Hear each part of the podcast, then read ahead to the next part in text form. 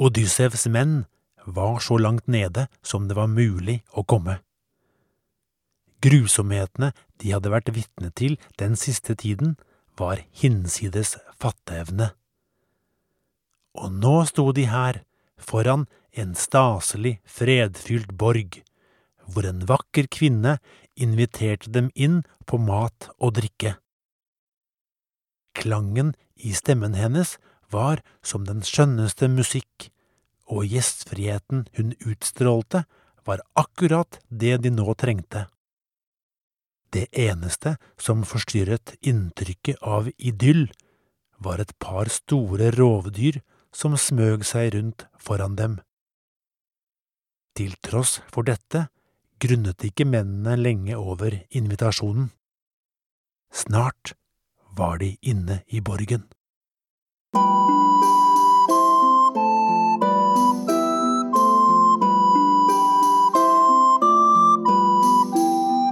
Velkommen til Helter og legender fra antikken, en podkast for unge. Episode 21 Odysseen, del to av tre. I forrige episode forlot vi Odyssevs og hans menn da de akkurat hadde kommet seg unna den menneskeetende kyklopen Polyfemos. Rasende og blindet for livet forbannet han Odyssevs ved å påkalle sin far, havguden Poseidon. Av og til blir Poseidon avbildet som en trivelig bestefarsfigur med langt skjegg og glimt i øyet.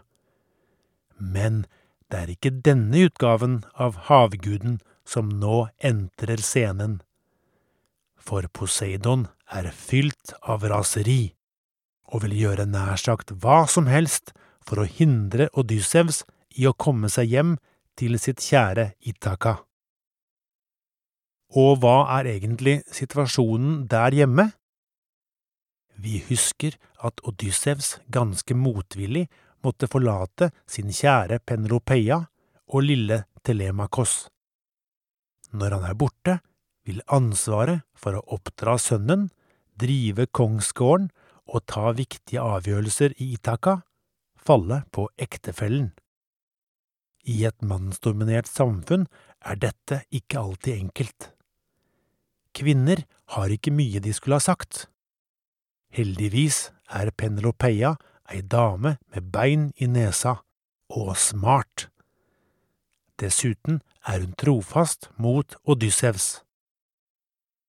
Likevel, trojanerkrigen varte i hele ti år, og nå går det nye år. Odyssevs er fortsatt ikke tilbake.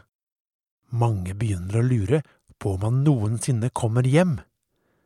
Særlig begynner stormennene på Itaka og øyene rundt og lure på dette. De håper han ikke kommer, for flere av dem kunne godt tenke seg å ta Odyssevs plass og selv bli konge. Den beste måten å få til dette på er ved å gifte seg med Penelopeia. Det er nemlig ikke akseptabelt at en kvinne styrer landet alene. Før eller siden vil hun bli tvunget til å finne seg en ny ektemann.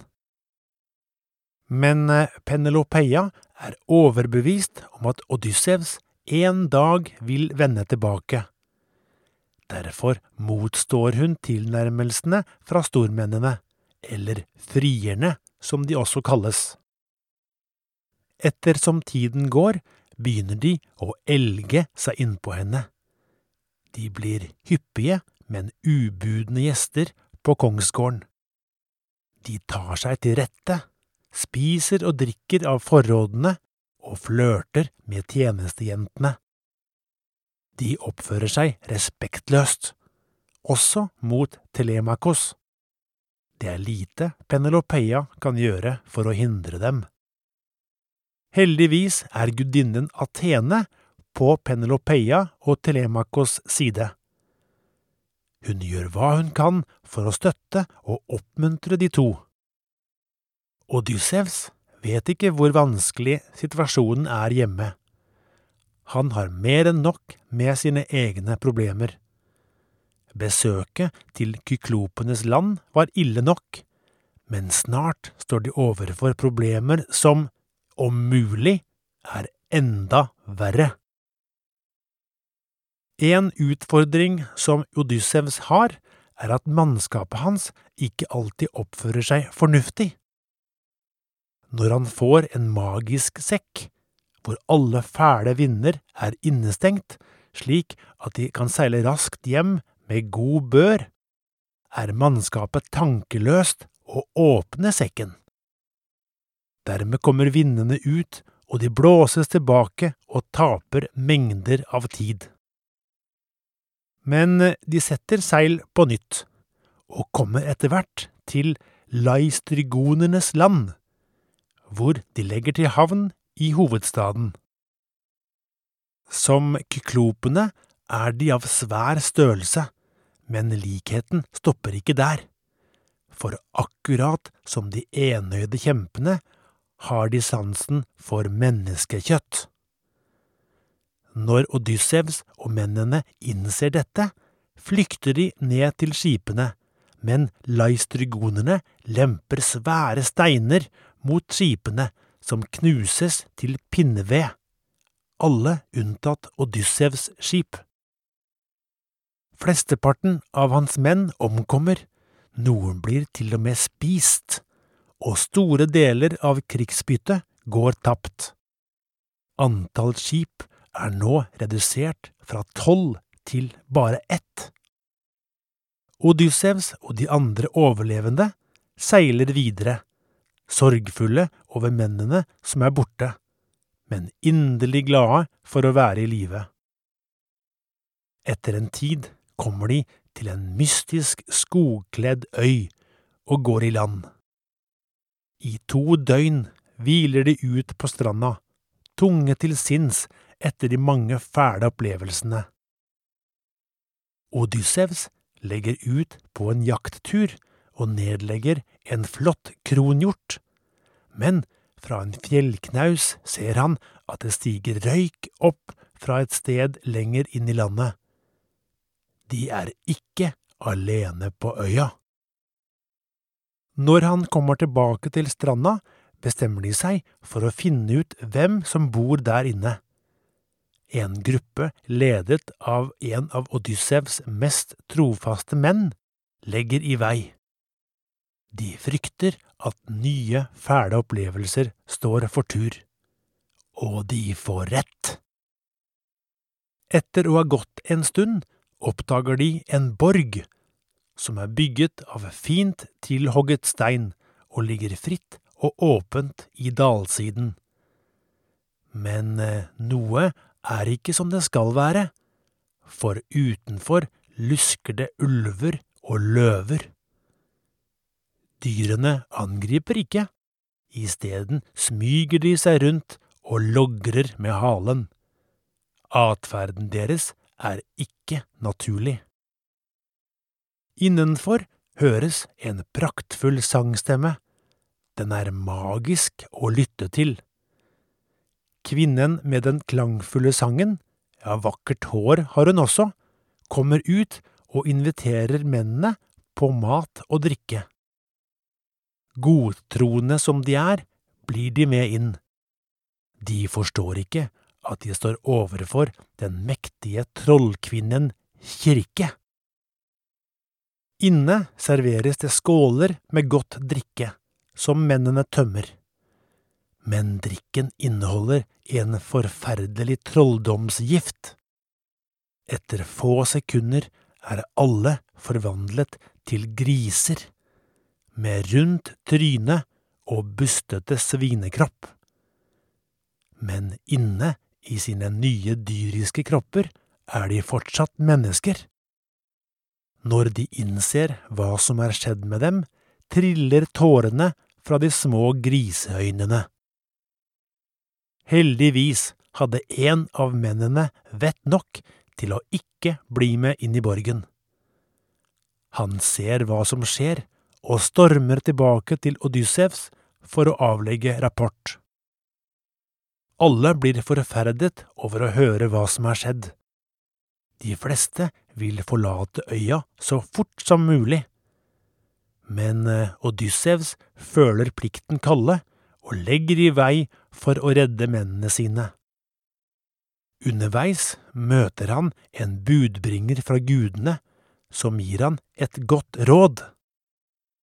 Hvis han spiser en spesiell plante, vil han motstå trolldommen. Han vil unngå å bli til en gris, men han vil også kunne tvinge kirke til å forvandle mennene tilbake til vanlige mennesker. Når Odyssevs kommer til borgen, inviteres han inn av trollkvinnen og tilbys den samme drikken som mennene hans fikk.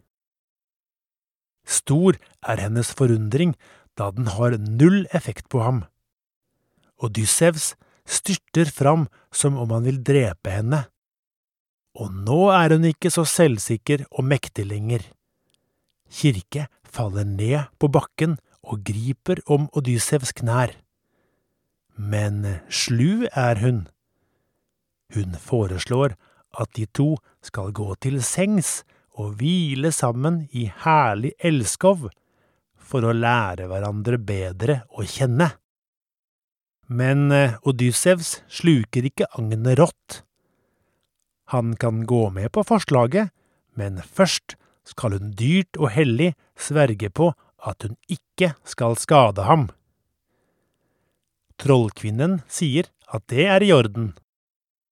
De går til sengs, men når elskoven er over, føler Odyssevs at hovedoppgaven hans fortsatt er ugjort. Mennene er jo fortsatt i grisebingen.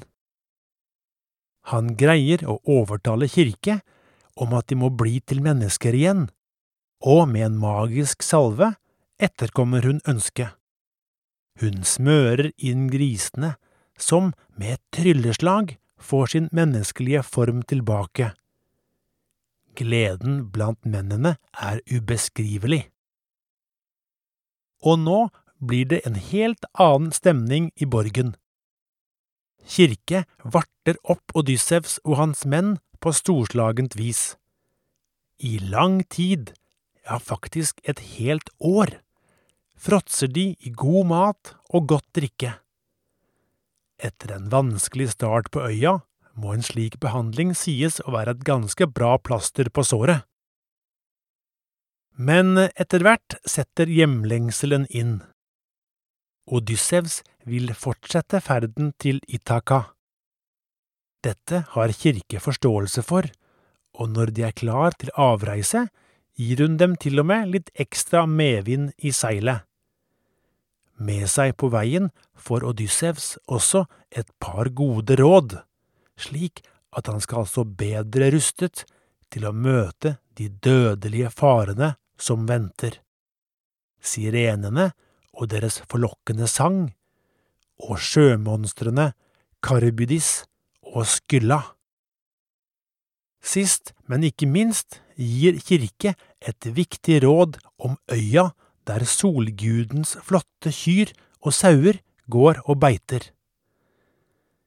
De bør helst unngå øya helt og holdent, men hvis de går i land, må de for all del ikke gjøre det minste skade på dyra. For hvis noe slikt skjer, risikerer de solguden Helios vrede, og at både skipet og mannskapet går under i bølgene. Vel ute på havet driver vinden dem først mot sirenenes øy. Sirenene er vakre, men livsfarlige skapninger. De ser ut som svære fugler med kvinnehode, og med sin skjønnhet og fortryllende sang lokker de sjøfolk til å begå skipbrudd mot klippene. Kirke har advart om at det på øya er dynger av mannebein med hudlapper hengende på knoklene. Odyssevs beordrer derfor alle mennene til å putte voks i ørene for at de ikke skal bli utsatt for sangen deres. Men selv vil han gjerne høre den, og han får mannskapet til å binde ham hardt fast til masten på skipet. Når sirenene kommer flyvende og begynner å synge, blir Odyssevs som fortryllet. Han rykker kraftig med kroppen og gir tegn om at mannskapet må løsne tauet, men de strammer det heller og ror videre så fort de bare kan. Til slutt er de utenfor rekkevidde for de livsfarlige tonene, og Odyssevs kan slippes løs. Nå venter nok en dødelig fare. De må seile mellom en øy og en livsfarlig malstrøm. På øya holder sjøuhyret Skylla til, og malstrømmen er i realiteten et monster som suger til seg vann med en enorm kjeft.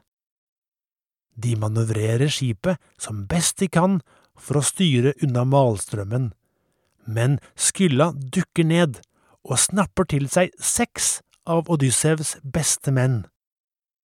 Alt han rekker å se, er føttene og armene på de stakkars mennene som dingler i luften over ham. Odyssevs har sett og opplevd mye, men dette var det verste. Mennene om bord er nå redusert til nervevrak, og de er både utslitte og utsultede. Gleden blir derfor stor når de nærmer seg en øy og får øye på velfødde saueflokker og svære bølinger med kveg.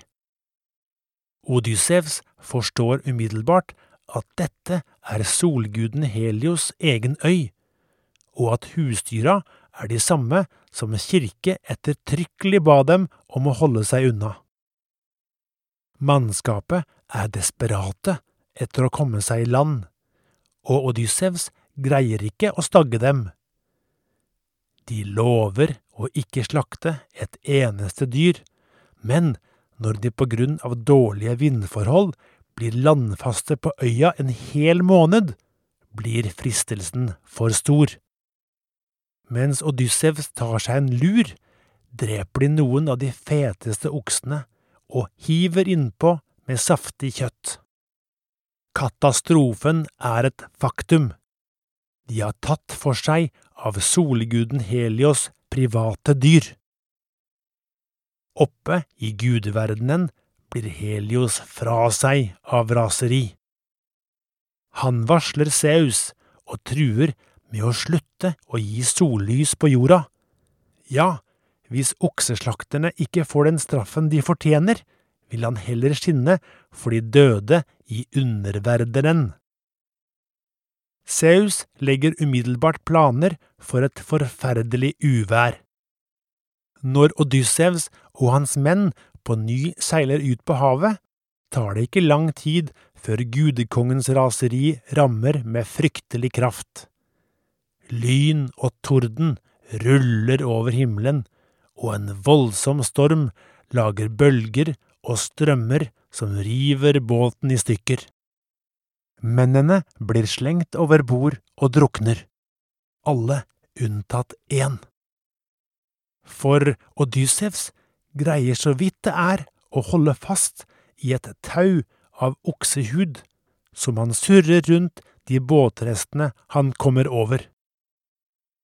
I ni lange dager driver han omkring på det opprørte havet, før bølgene til slutt kaster han opp på en ukjent øy. Lite vet han at denne øya skal bli hans hjem i hele syv år. Vi forlater Odyssevs hær, som en stykke vrakgods på en fremmed strand. Han har mistet alle sine tolv skip, alle sine skatter og krigsbytte, og alle sine menn. Lenger ned er det ikke mulig å komme, nå kan det bare gå oppover, eller? Følg med i neste episode. Ha det godt!